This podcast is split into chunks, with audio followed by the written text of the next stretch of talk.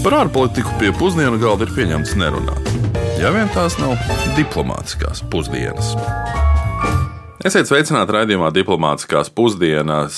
Nezinām, vai dzirdat mūsu tiešraidē vai atkārtojumos Latvijas Rādio 1 viļņos, bet viena vieta, kur pilnīgi noteikti nu, jau kādu laiku varat mūs arī dzirdēt un atrast, ir Latvijas Rādio jaunā mobilā lietotne, aplikācija. Tur vienmēr esam pieejami, tāpat kā dažās citās podkāstu straumēšanas vietnēs un mājaslapās. Labdien! Nu, noteikti gribam izteikt pateicību, ka mūs dzirdat, klausāties un sekojat arī līdzi.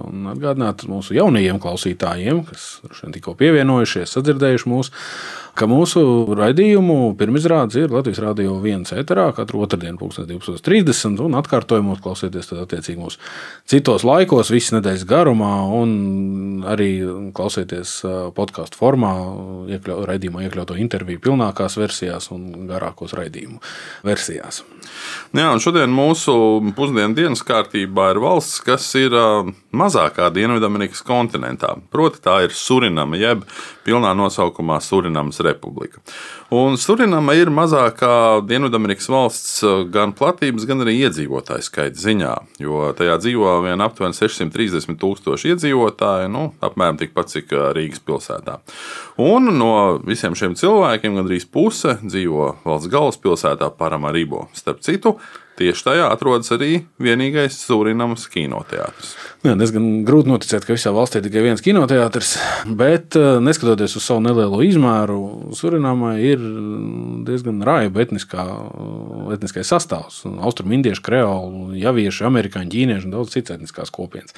Un, lai visu šo etnisko daudzveidību saturētu kopā, kā ierasts, nu, jābūt kaut kam kopīgam, vai nu reliģijai, vai valodai. Nu, tad Surinams gadījumā ir situācija, ka Surinams oficiālā valoda ir holandiešu valoda. Nevis spāņu, kas liktos un šķīst automātiski, kad runājam par Dienvidameriku. Surinamu mēdza dēvēt kādreiz arī par holandiešu Gvijānu, līdzīgi kā tas ir ar Franču Gvijāna ir tās viena no kaimiņu valstīm, un vēl arī oficiāli tiek, protams, tā arī dēvēta. Nu, par Franču Gvijānu esam runājuši jau iepriekšējos raidījumos. Bet tagad uzzināsim, ko tad par Surinamu zina sacīt mūsu klausītāji. Ar ko jums asociējas valsts Surinama? Surinama. Surinam droši vien tagad kaut kur dzirdēts ir sakarā ar karu un kaut kādu atbalstu Krievijai. Man tā liekas, Krievi, man, man, kaut kas man tā galvā, bet es varu kļūdīties ar valsti. Mm -hmm tāda maza valsts. Pieļauju domu, ka tas varētu būt Āfrikas teritorijā, bet varbūt kļūdos. Mhm. Varētu būt kaut, kādi, kaut kāda Āfrika, kaut kāda dienvida, kaut kas silts, kaut kas karsts, saulains. Mhm. Es tiešām nezinu. Nu, dzirdēts tāds vārds ir surinām, bet, ja man uzreiz jāpasaka Āzija vai Āfrikas valsts, drīzāk Āzijas laikam. Nezinu tā, godīgi sakot, nezinu. Bet nu, eksistē, jā? Jā, tici, ka eksistē. Jā, vairāk nekas nenāk prātā. Tā kā, jā. Nē būtu pirms gada, mēs zinātu, gan kur eksistē, Jā. gan kāda galvaspilsēta. Dzirdēt, gan ir, bet, uh, ja tu man kaut ko pateikt priekšā, es varbūt varētu vairāk atbildēt, bet laikam es neko nepateikšu. Um, turpinājumā par to, kādēļ tieši holandiešu valoda ir oficiālā valoda Surinamā. Būtu jāsāk ar nelielu vēsturisku atkāpi. Jo Surinama ir arī vienīgā teritorija ārpus Eiropas, kurā lielākā daļa iedzīvotāju runā holandiešu valodā, un proti 60% šīs valsts iedzīvotāji tā ir dzimtā valoda. Surinama rietumu pasaulē kļuva zinām pēc tam, kad par to sāk interesēties Spāņi 16. gadsimtā, un pēc tam 17. gadsimta vidū valsts kļuva interesanti arī Angļiem. Vēlāk šo reģionu izraudījās, protams, arī Nīderlandieši, un sākoties nesaskaņām starp Britiem un Nīderlandiešiem tika nolemts parakstīt Bredas līgumus ar abām pusēm. Un tas paredzēja, ka Nīderlanda iegūst Surinamu, bet Angļu agrāko Nīderlandes koloniju jau no Amsterdamas. Mūsdienās mēs viņu pazīstam kā Ņujorku. Nu, jā, tā Surinam kļuva par Nīderlandes koloniju, un tikai 1975. gadā valsts kļuva neatkarīga.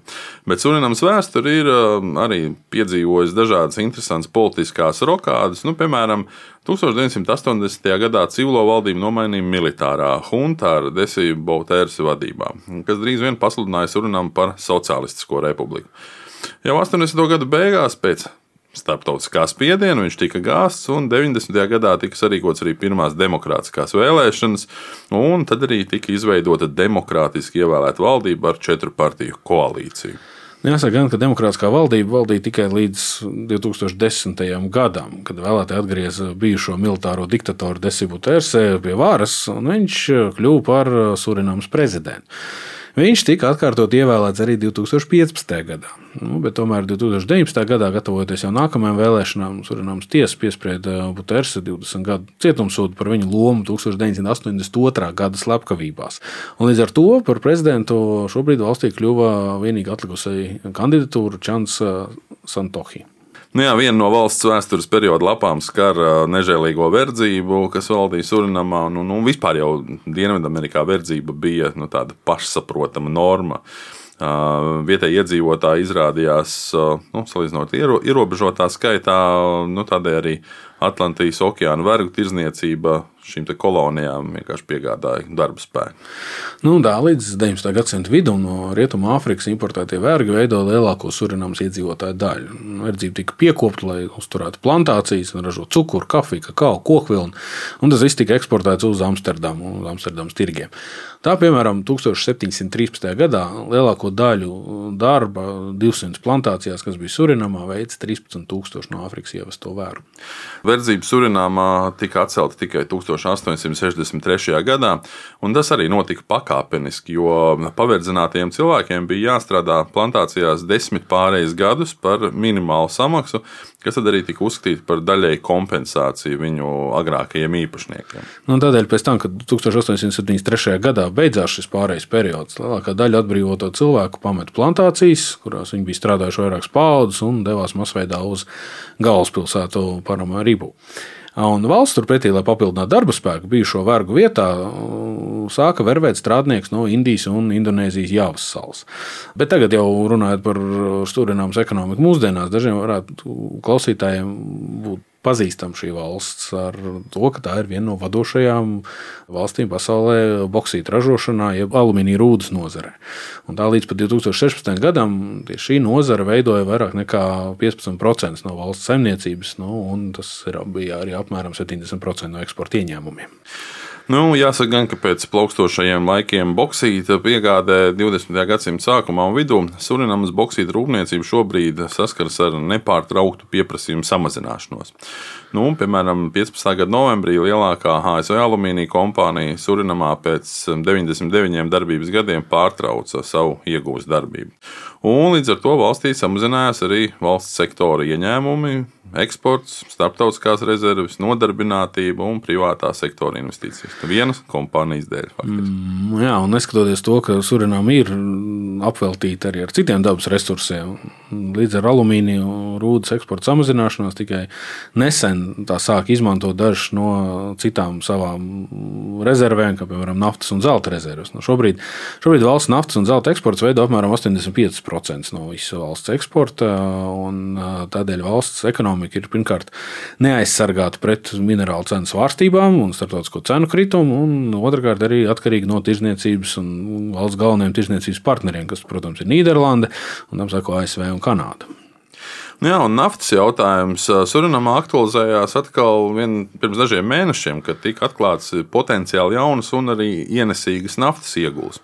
Nu, daudziem pat šķistu, ka šis varētu nodrošināt Surinamas ekonomisko izrāvienu, īpaši laikā, kad citur pasaulē pieprasījums pēc naftas ir ļoti aktuāli izjūtams. Bet vai tas patiešām varētu notikt un kā tad nafta tiek iegūta un tirgota pasaulē? To mēs vaicājām pastāstīt vairāk vienam no mūsu Latvijas izcilākajiem enerģētikas ekspertiem, Rīgas Tehniskās Universitātes doktorantam Rēnim Āboltiņam. 2022. gada februārī tika publiskotas ziņas, ka Surinamā atkrastē, tātad jūrā, lielākā dziļumā nekā pie paša krasta, ir uh, atrasts būtisks naftas uh, iegulas, naftas rezerves. Un, uh, Tās rezerves tiek lēsts apmēram 2,5 līdz 3 miljardu barelu apmērā. Šī nav jauna informācija par to, ka Surinamā ir pieejami naftas resursi. Surinam pati jau ilgstoši iegūst nelielus naftas apjomus izmantošanai savā ekonomikā, taču tādi naftas giganti kā mm, Apache un Franču Total ir ilgstoši skatījušies uz iespēju atrast un iegūt un izstrādāt tālāk naftas laukus Surinams atkrastē. Tas interesantais no Surinamas viedokļa ir tas, ka, lai arī Surinama piedāvā pētīt šos potenciālos naftas laukus un sadarbību uz krietni ilgāku laiku nekā to dara citas valstis reģionā, parasti tad Surinamās gadījumā runa ir par pat līdz 30 gadiem, tiek dots komersantiem iegūt naftas produktus, tad uh, nu, Surinamai tas ir kritiski svarīgi tieši no tās ekonomikas attīstības viedokļa. Surinam nevar izlausties no, no lielā ārējā parāda žņaugiem, un uh, naftas atradnes dot iespēju iegūt uh, naftas produktus, ko tālāk varētu pārdot. Un, ņemot vērā mūsdienu saspīlējumus citos naftas iegūs reģionos, tā skaitā arī Krievijas agresiju Ukrainā, kas arī ietekmējusi kopējo ģeopolitisko situāciju pasaulē un to, kā aprit energoresursi, tā skaitā naftas produkti, tad šāds surinams solis atvērt savu teritoriju naftas ieguvēju un arī pārdošanai varētu dot zināmu pienesumu pasaules kopējā naftas produktu apritē. Protams, šie apjomi nebūs tik lieli kā šajā pašā reģionā, jau Venecijā vai, vai, vai citās valstīs, vai Gvajānā. Tomēr nu, teiksim, tā, no reģiona ekonomikas viedokļa šis būtu būtisks pienesums. Un arī kopējā pasaules naftas produktu apritē tomēr naftas būtu vairāk, un šis surinams naftas lauks varētu dot pienesumu kompensējot daļu no tiem naftas produktiem, ko nevarētu iegūt, piemēram, no tās pašas Krievijas federācijas. Um, vairāk nekā 93% no Surinamas zemes masas veido neskarta lietas meži. Nu, līdz ar to arī platība, ko var izmantot lauksaimniecībā, ir nu, ļoti maza. Tomēr apmēram ceturtā daļa no valsts iedzīvotājiem strādā tieši lauksaimniecībā. Valsts eksportē gan rīsus, gan banānus, arī zvejo garneles. Jā, nu, viss iepriekš sacītais liktu domāt, ka Surinamai pietiek resursi tās iedzīvotāju nodrošināt darbu un izaugsmas iespējas. Bet, kā tas bieži izrādījies, nu, ne viss ir tik vienkārši vienkārša vai pat rožaina. Gan arī 70% valsts iedzīvotāji dzīvo zem nabadzības sliekšņa, un valsts IKP uz vienu iedzīvotāju pēc pirkstveida paritātes, pēc Pasaules bankas datiem, ir apmēram 12,000 eiro. Tas ir apmēram 2,5 reizes mazāk nekā Latvijā. Toties ienākumu nevienlīdzības jautājumā Surinamas rādītājs ir divas reizes sliktāks nekā tas ir Latvijā. Nu, to mēs varam secināt, ka Surinamas gadījumā valsts valdības pārmērīgā paļaušanās uz ieņēmumiem no iegūst nozares ietekmē valsts ekonomiskās perspektīvas. Un līdz ar to Surinamas ekonomiskās izredzes vidējā termiņā būs atkarīgas no nu, apņemšanās īstenot atbildīgu politiku un arī dažādas struktūrālās reformas, lai liberalizētu tirgu un arī veicinātu konkurenci. Lai cik būtu paēdis, vienmēr ir vieta arī desertam. Un visbeidzot, pienācis laiks ir deserta sadaļai, un tajā mēs šoreiz parunāsim par ko tādu, kas jau ir nedaudz izskanējis mūsu iepriekšējos raidījumos, bet nekad nav līdz galam izskaidrots. Un konkrēti, kādēļ tad Surinamā brauc pa ceļa kreiso pusi? Jā, nu, Gan arī 75% pasaules valstīs autovadītājiem ir jābrauc pa labo pusi, nu, kā pie mums. Lai gan lielākā daļa brauc pa labo pusi, nepastāv globāls uh, standarta braukšanas sistēmas. Nu, mēs zinām, ka ir atsevišķas valsts, kur pat uh, ceļu satiksmes noteikumi ir dažādi atkarībā no štata. Un uh, kreisās puses braucēji ir lielākā daļa bijušo Lielbritānijas koloniju, bet labās puses braucēji ir ASV, Latvija, Amerika un lielākā daļa Eiropas valstu, protams. Un, lai gan visās pārējās Dienvidamerikas valstīs ir braukšana labajā pusē, Surinam un Frančija Gvinēja ir vienīgās divas valstis kontinentā, kurās pastāv braukšana pa kreiso pusi. Pat ja pašā Francijā un Nīderlandē ir pilnīgi atšķirīgi un brauc pa labo pusi. Nu jā, nu šī dīvainība mūs ir ne tikai mūsu ar tevi, bet arī pārējo pasauli. Bet tam ir pilnīgi pamatots iemesls. Agrāk eh, gandrīz visi ceļoja ceļa kreiso pusi, jo tā bija vissaprātīgākā pieeja. Nu, respektīvi, uzskatīts, ka kreisās puses satiksme sākās ar zirgu pajūgiem. Nu, kad ceļoja ar zirgiem un jāja uz zirgiem. Kreisās puses pozīcija paredzēja pirmkārt vieglu iespēju piekļūt savam zobenam ar labo roku ienaidnieku sastapšanas gadījumā, un labročiem bija vieglāk uzkāpt zirgā no zirga kreisās puses. Citādi to būtu grūti izdarīt, jo zobens bija kreisajā pusē. Nu, un arī kopumā uzkāpt un nokāpt ir drošāk ceļa malā, nevis satiksmes vidū. Tāpēc, ja uzkāp kreisajā pusē, tad zirgs jāja pa ceļa kreiso pusi. Tomēr 17. gadsimtā Francijā parādījās pārvadāšana un ceļošana ar vairākiem zirgu pāriem, proti, nu, mums jau labi zināmās karietes. Un to gadījumā mainījās arī pozīcija, kurā atrodas kučieris. Nu, kučieris sāk sēdēt kreisā pusē zirga aizmugurē, un, lai viņš varētu brīvi turēt labo roku, lai piesistu komandu zirgiem, viņam bija nepieciešams, nu, lai garām gājēji vai braucēji iet pa kreiso pusi, lai vadītājs var skatīties uz ceļu un pārliecināties, ka nu, neatrodas pretī braucošu vadītāju ceļā. Nu, tāpēc vadītāji arī sāk turēties ceļa labajā pusē. Nu jā, un vēlāk, līdz ar uh, Napoleona iekarojumiem, jaunā sistēma izplatījās Beļģijā, Nīderlandē, Luksemburgā, Šveicē, Vācijā, Polijā, nu, daudz kur citur, arī Spānijā, un Itālijā, nu, respektīvi Eiropā. Pa kreiso braukšanas pusi palika valstis, kas pretojās Napoleonam - Lielbritānija, Austrumgārijas impērija un Portugāla. Šīs Eiropas dalījums starp kreisajām un labajām valstīm palika nemainīgs vairāk nekā simts gadus, līdz pat pēc Pirmā pasaules kara, kad vairākas no šīm valstīm tomēr pārgāja uz braukšanu pa labu. Surinams gadījumā viss ir izskaidrojams ar faktu, ka tā ir bijusi Nīderlandes kolonija. Tikai tad, kad Napoleons iekaroja Nīderlandi, holandieši sāk braukt pa ceļu labo pusi. Tomēr lielākā daļa viņa kolonija tomēr palika kreisajā pusē, nu, līdz ar to arī Surinam. Un ar šo faktu mēs raidījumu arī noslēdzam, bet eh, jau nākamā nedēļa dosimies uz Namībiju, Āfrikā. Tikmēr lai lieliska nedēļa!